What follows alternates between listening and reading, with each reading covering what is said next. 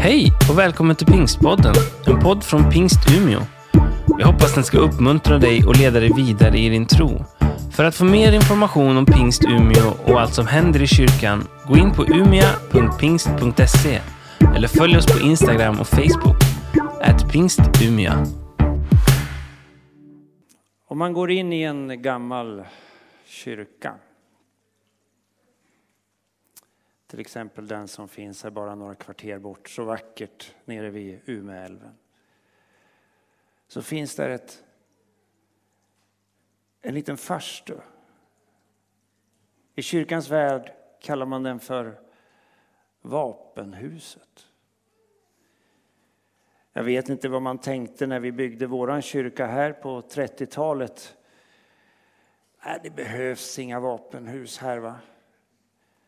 Folk har väl inte så mycket att lägga av sig innan man träder in i ett rum där man tänker att man vill göra sig själv tillgänglig för levande Gud. Eller? Kanske vi skulle skicka med det när vi bygger framtidens mötesplats. Vi vill ha ett vapenhus, en sluss. Så att vi när vi träder in i rummet där de andra är som har bestämt sig för att göra sitt liv tillgänglig för levande Gud. Att vi tar av oss våra försvar. Våra, våra hårda skal. Ni vet det där, våra förutfattade meningar och bara gör oss sårbara. Jag tänkte att jag skulle vilja fråga dig om inte du kunde göra det idag. Göra dig tillgänglig.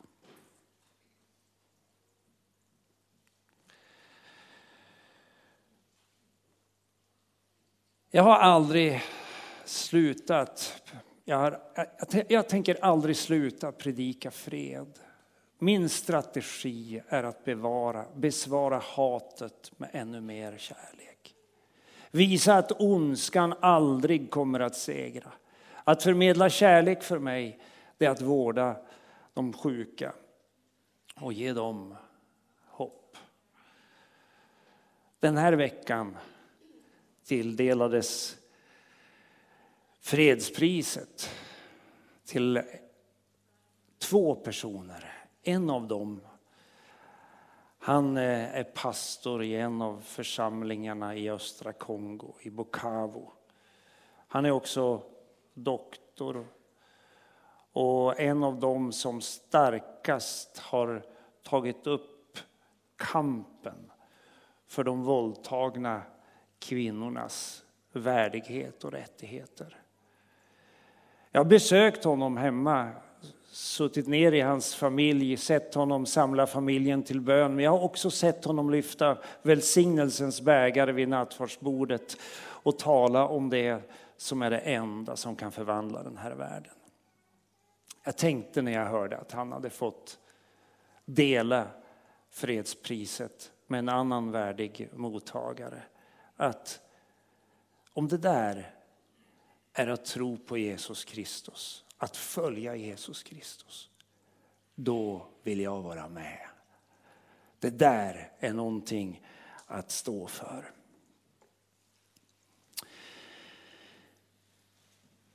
En del av er vet att jag älskar bibliska berättelser. Ja, det är ju ingen konstigt, jag är ju pastor, det borde ju alla pastorer göra. Men för mig är det så att jag i olika tider gömmer mig i olika berättelser och under drygt ett år nu så har jag gömt mig i berättelsen om Mose. Du minns kanske berättelsen ifrån söndagsskolan om grabben som mirakulöst överlevde och fick växa upp, inte hos sina egna föräldrar utan i far, hos farao. Han var ju hebré men fick lära sig den egyptiska kulturen. Så kommer ju dagen när han ser hur hans eget folk förtrycks och hur han tänker att jag måste bidra till deras frihet. Han träder in och försöker medla i en konflikt och det bar sig inte bättre än att han tillgriper våld och en av männen som eh, han försöker medla mellan förlorar livet. Han får blod på sina egna händer och inser att eh, det här kommer aldrig att lyckas. Han får fly för sitt liv i ett främmande land. Och så kommer dagen, 40 år senare, när Gud talar med honom och säger att din berättelse, den vill jag använda. Det du har varit med om, det vill jag göra någonting av.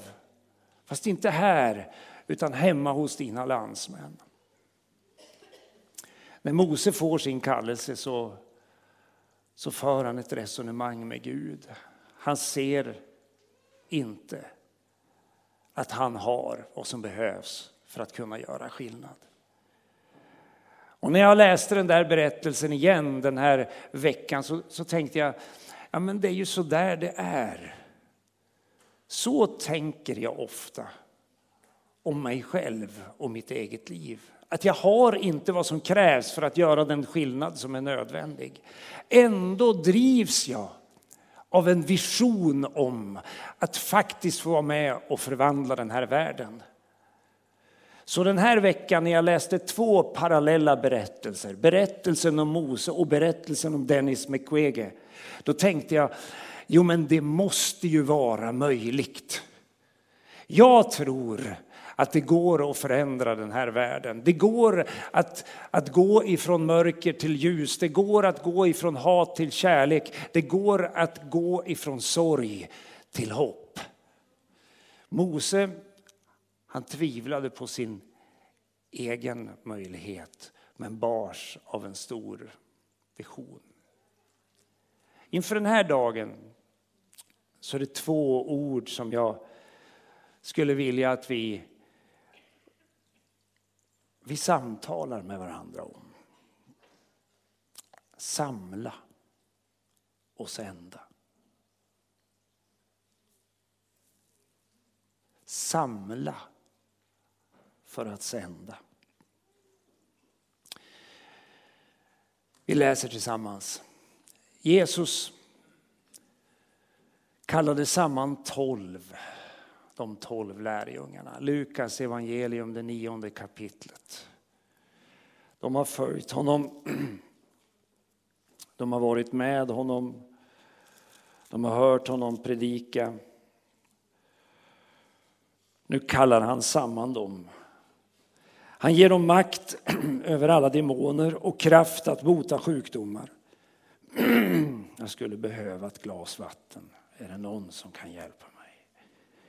Han sände ut dem för att förkunna Guds rike och göra de sjuka friska. Och, han, och de gav sig iväg, står det i vers 6, från by till by och överallt förkunnar de evangeliet och botade sjuka. Jesus samlar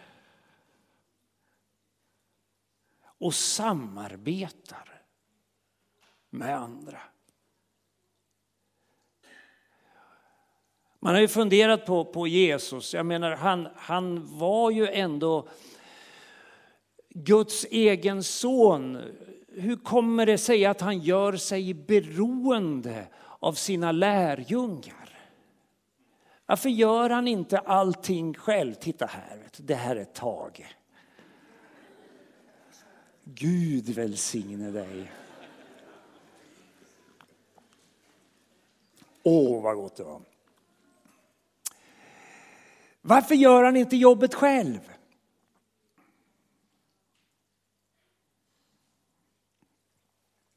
Ja, det finns ju några enkla svar på den där frågan. Det stora svaret är ju att han, han ville bjuda in människor i, i sitt liv. Han ville inte bara att, att eh, de som han talade med skulle få en akademisk examen i kristologi. Eller möjligen i gamla testamentet eller kanske lite mer kunskap om framtiden. Han ville att de skulle bli indragna i hans eget liv. För var och en som dras in i Jesu liv dras ju in i den levande Gudens gemenskap. Det händer något med människor som, som stiger in i berättelsen om Jesus och låter hans berättelse bli en del av det egna livets berättelse. Jesus vill inte bara ha en programförklaring. Jag menar, han hade ju kunnat hållt ett antal tal och så hade vi haft ett antal stora tal ifrån Jesus att studera. Men han ville att det han var skulle bli kött och blod i vanliga människors liv. Så han gjorde lärjungar. De fick se hur han gjorde.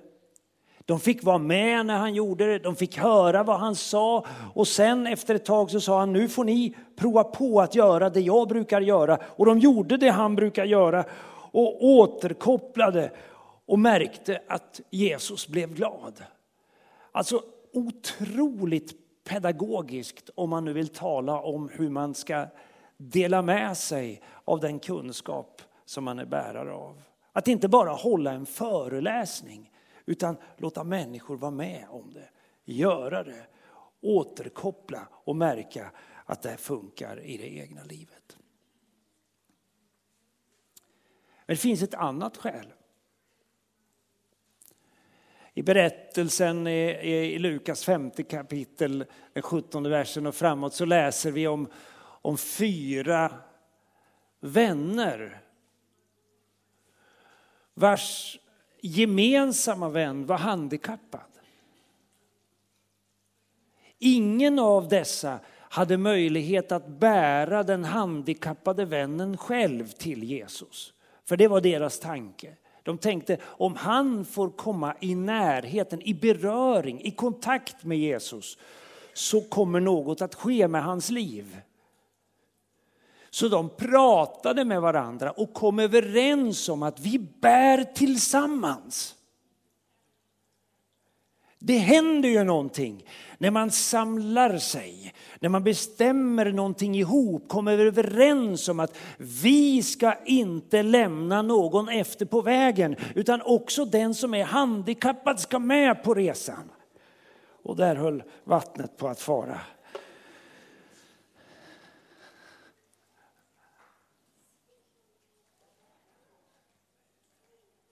Människor som samverkar, de blir starka. Det är det som har lyft det här landet ifrån fattigdom till välstånd. Det var för att vi bestämde oss för att vi ska inte behålla alla våra inkomster själva. Vi ska ge någonting till statskassan. Vi ska betala kommunalskatt. Och nu bor jag ju bevars i en stad som har Sveriges nästan högsta kommunalskatt. Det är ju, och vi diskuterar det där och tänker vi måste sänka skatten. Men släpp frågan om nivån. Tänk istället att vi bor i ett land där vi har bestämt oss för att vi ska bära varandra tillsammans. Det är ju kristna värderingar som är bra och bygger för framtiden. Så tänker vi också i den här kyrkan. Det här är inte min kyrka, det är vår församling. Vi gör det här ihop. Eh, råkar, när jag säger det, råkar jag se en av dem som precis just nu håller på att renovera en av lägenheterna uppe på tredje våningen i Kungsgatan. Han har fått börja om gång efter gång efter gång därför att det har regnat in. Men han ger sig ändå inte och är nu på väg att skapa förutsättningar för de som ingenstans har att sova när det blir som allra kallast. Hur är det där möjligt? Jo, vi hjälps åt. Vi bär det tillsammans så blir vi starka. Det är också så att det här skapar förtroende. Världen vet att Sverige kan man lita på. Även om vi ibland har lite diskussioner och vi just nu inte ens vet vem som ska bli statsminister. Vi har en administrativ statsminister. Men vi går inte ut på gatorna och slår varandra utan vi för eh, lugna, sak, hyfsat sakliga i alla fall, diskussioner. Det beror på att vi håller ihop det här landet. Vi splittrar inte upp oss. Utan vi tänker att även om vi ser lite olika på en del saker så ska vi hjälpas åt. För vi ska bygga för framtiden. Och så tänker vi också i den här kyrkan. Här kommer man ifrån Etiopien och Eritrea. Här kommer man från Burundi och Afghanistan.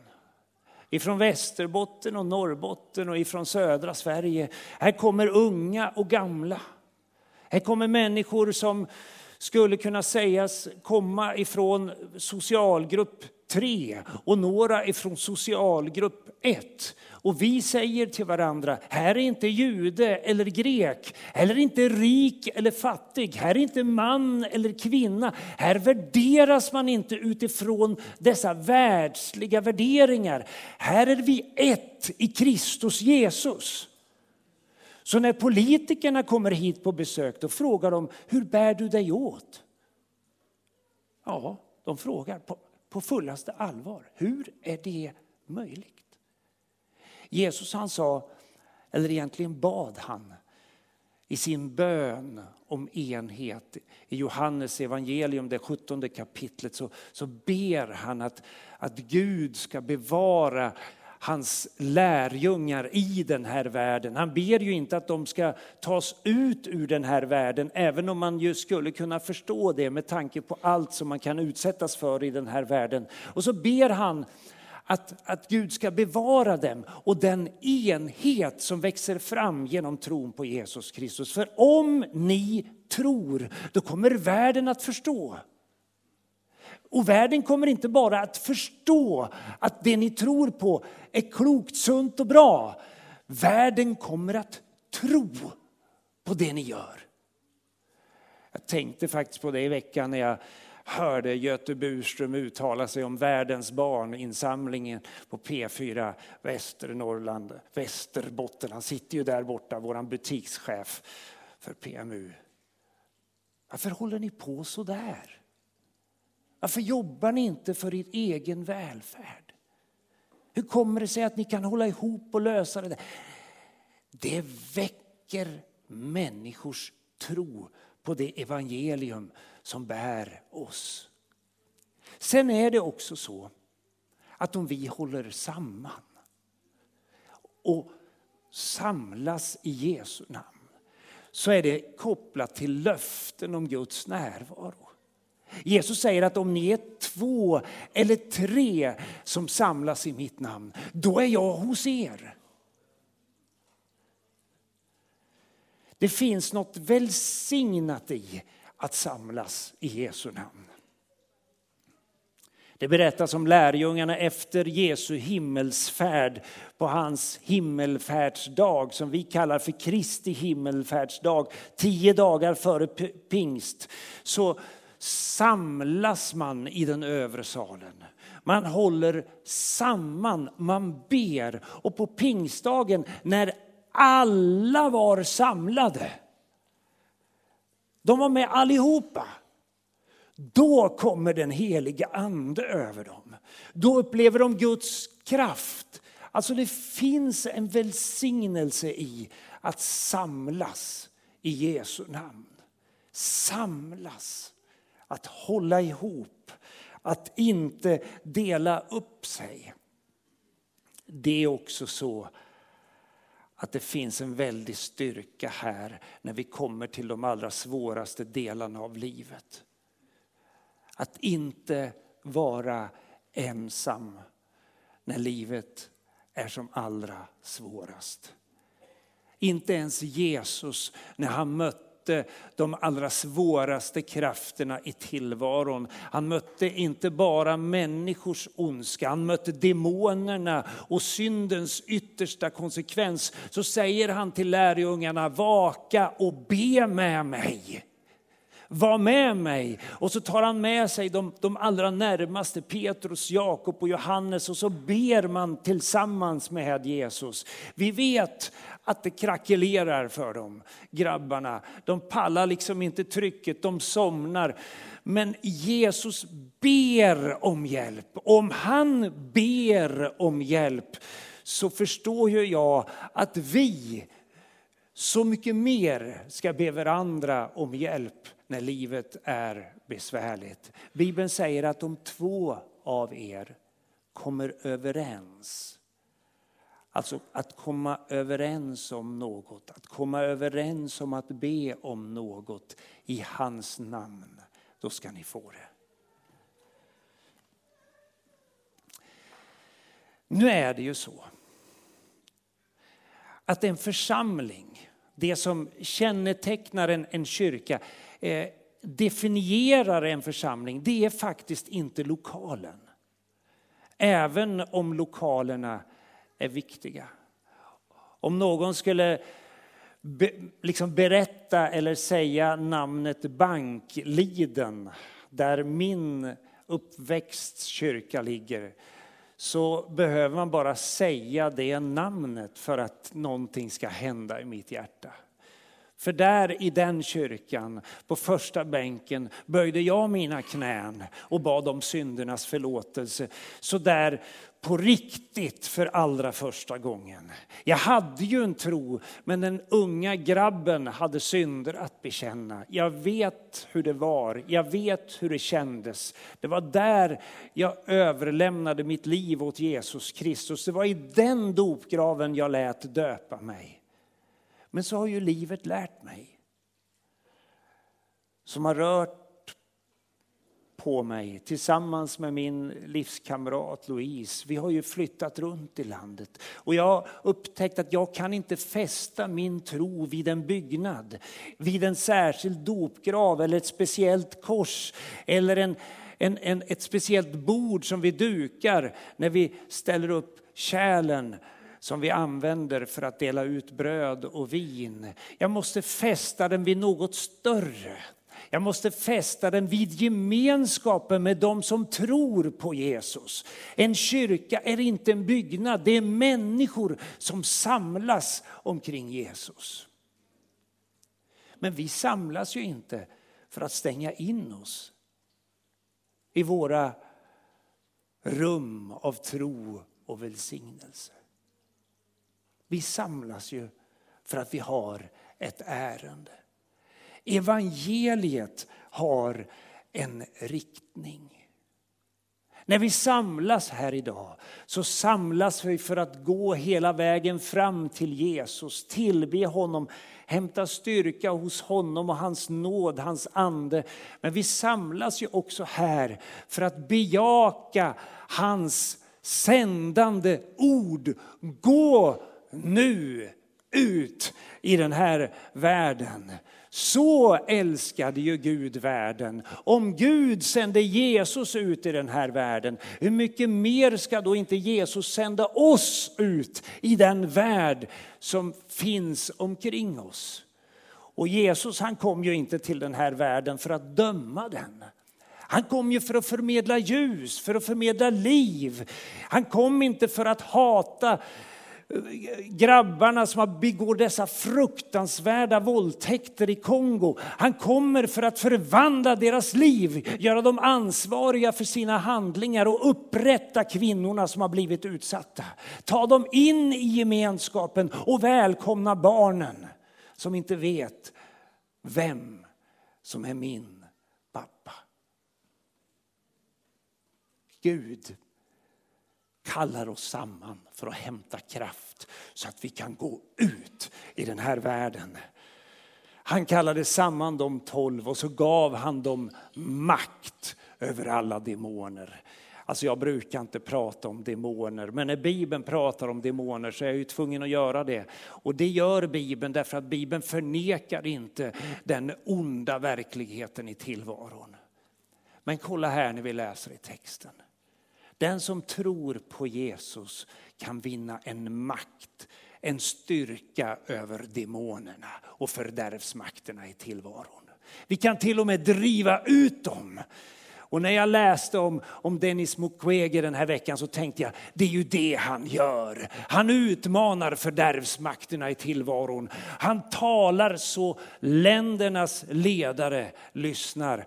Och är det väl den 10 december om jag kommer ihåg rätt i hastigheten, så kommer han att få hålla sitt tal. Det kommer att bli ett tal värt att lyssna på. Han gav dem makt över demonerna, kraft att bota sjukdomar och han sände ut dem att förkunna Guds rike och göra de sjuka friska. Vilket program!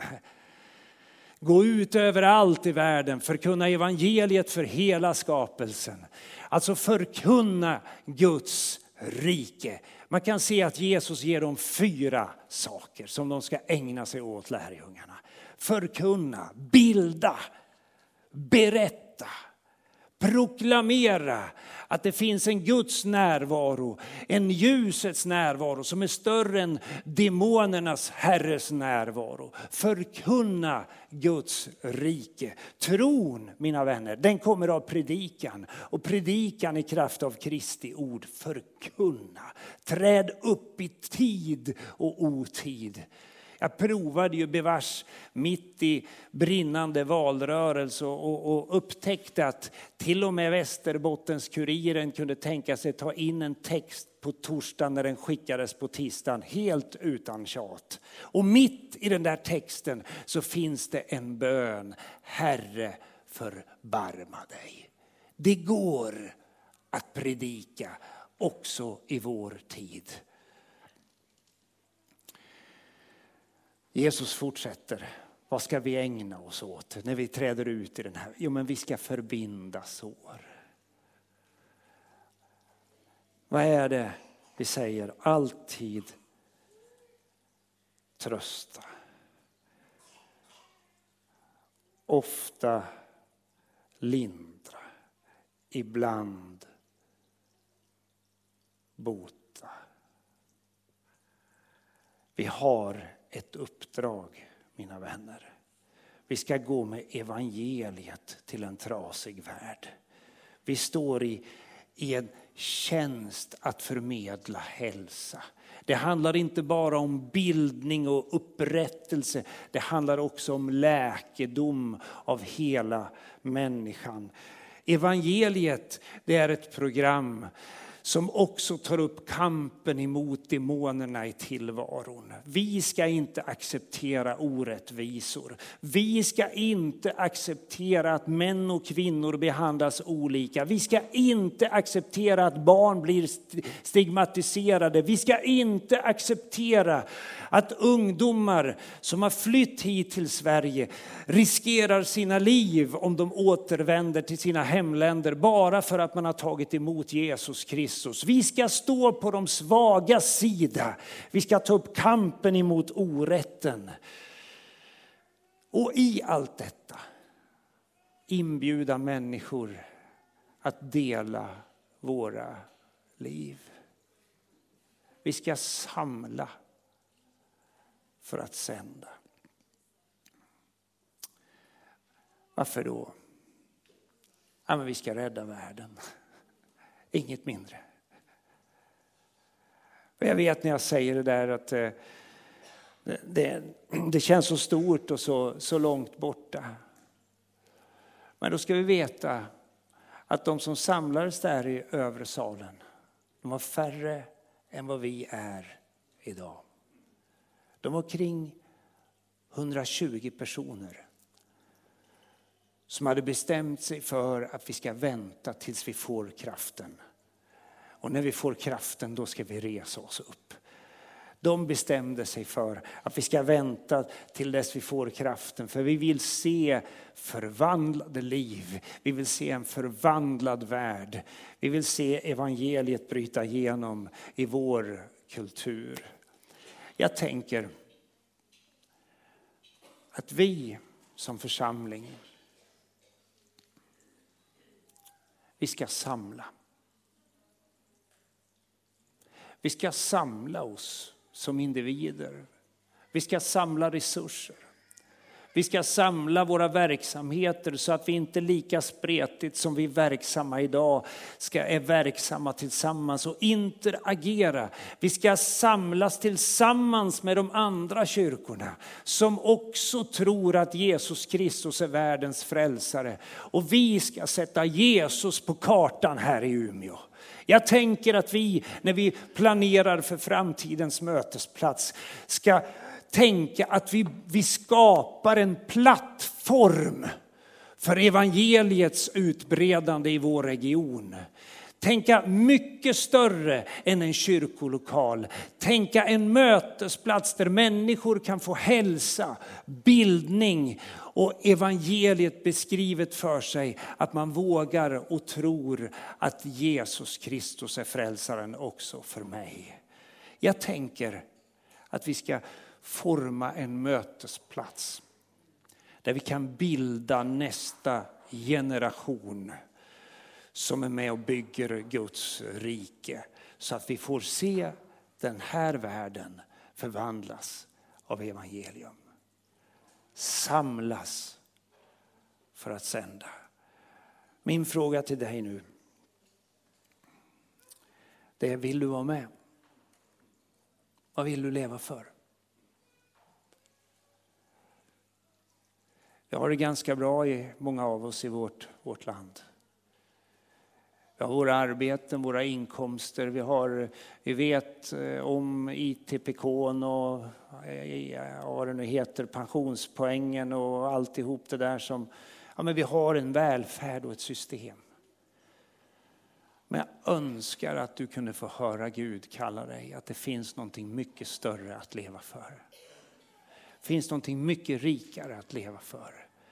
Än för din och min framtida pension att leva för evangeliet. Jag, jag, skulle vilja inbjuda dig att vara med bland dem som samlas i Jesu namn.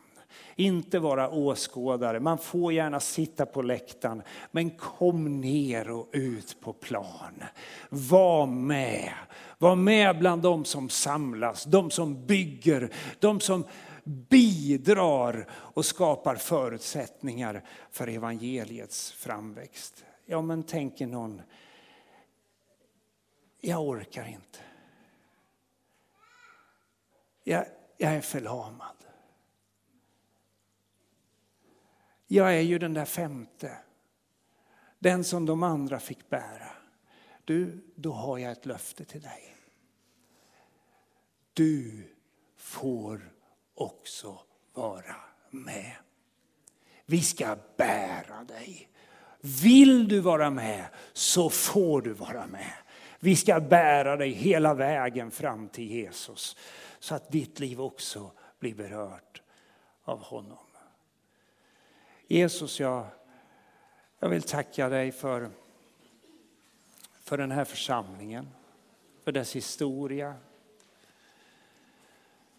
För alla människor som genom, genom hela 1900-talet och nu i början på 2000-talet har fått mötas i pingst i Holmsund och i Sävar och här på Kungsgatan och hämtat andlig vägledning och kraft. Jag vill tacka dig för att vi nu har över, ja, närmare 50 hemgrupper. Du vet den där visionen vi hade om att vi skulle vara 50 hemgrupper innan vi var innan år 2018 inträffade. Jag tackar dig Herre för alla dessa som har hittat ett hem här. Nu vill jag be att du ska göra någonting med oss som kan få betydelse, inte bara för våra egna liv, utan också för den här staden, för den här delen av landet, ja, för hela vårt land och för den värld som vi, vi bygger. Vi vill inte möta ondska med hat. Vi vill inte möta tvivel med förebråelser. Vi vill möta ondska med kärlek. Vi vill möta mörker med ljus. Vi vill möta tvivel med tro. Och vi vill möta hopplöshet med hopp. Kom Jesus Kristus. Och jag ber särskilt för den som kämpar med sitt liv idag. Den som funderar, finns det plats för mig där? Jag vill ju egentligen vara med. Jesus, jag ber att vandringen fram emot nattvardens bröd och vin ska få bli en vandring fram emot dig.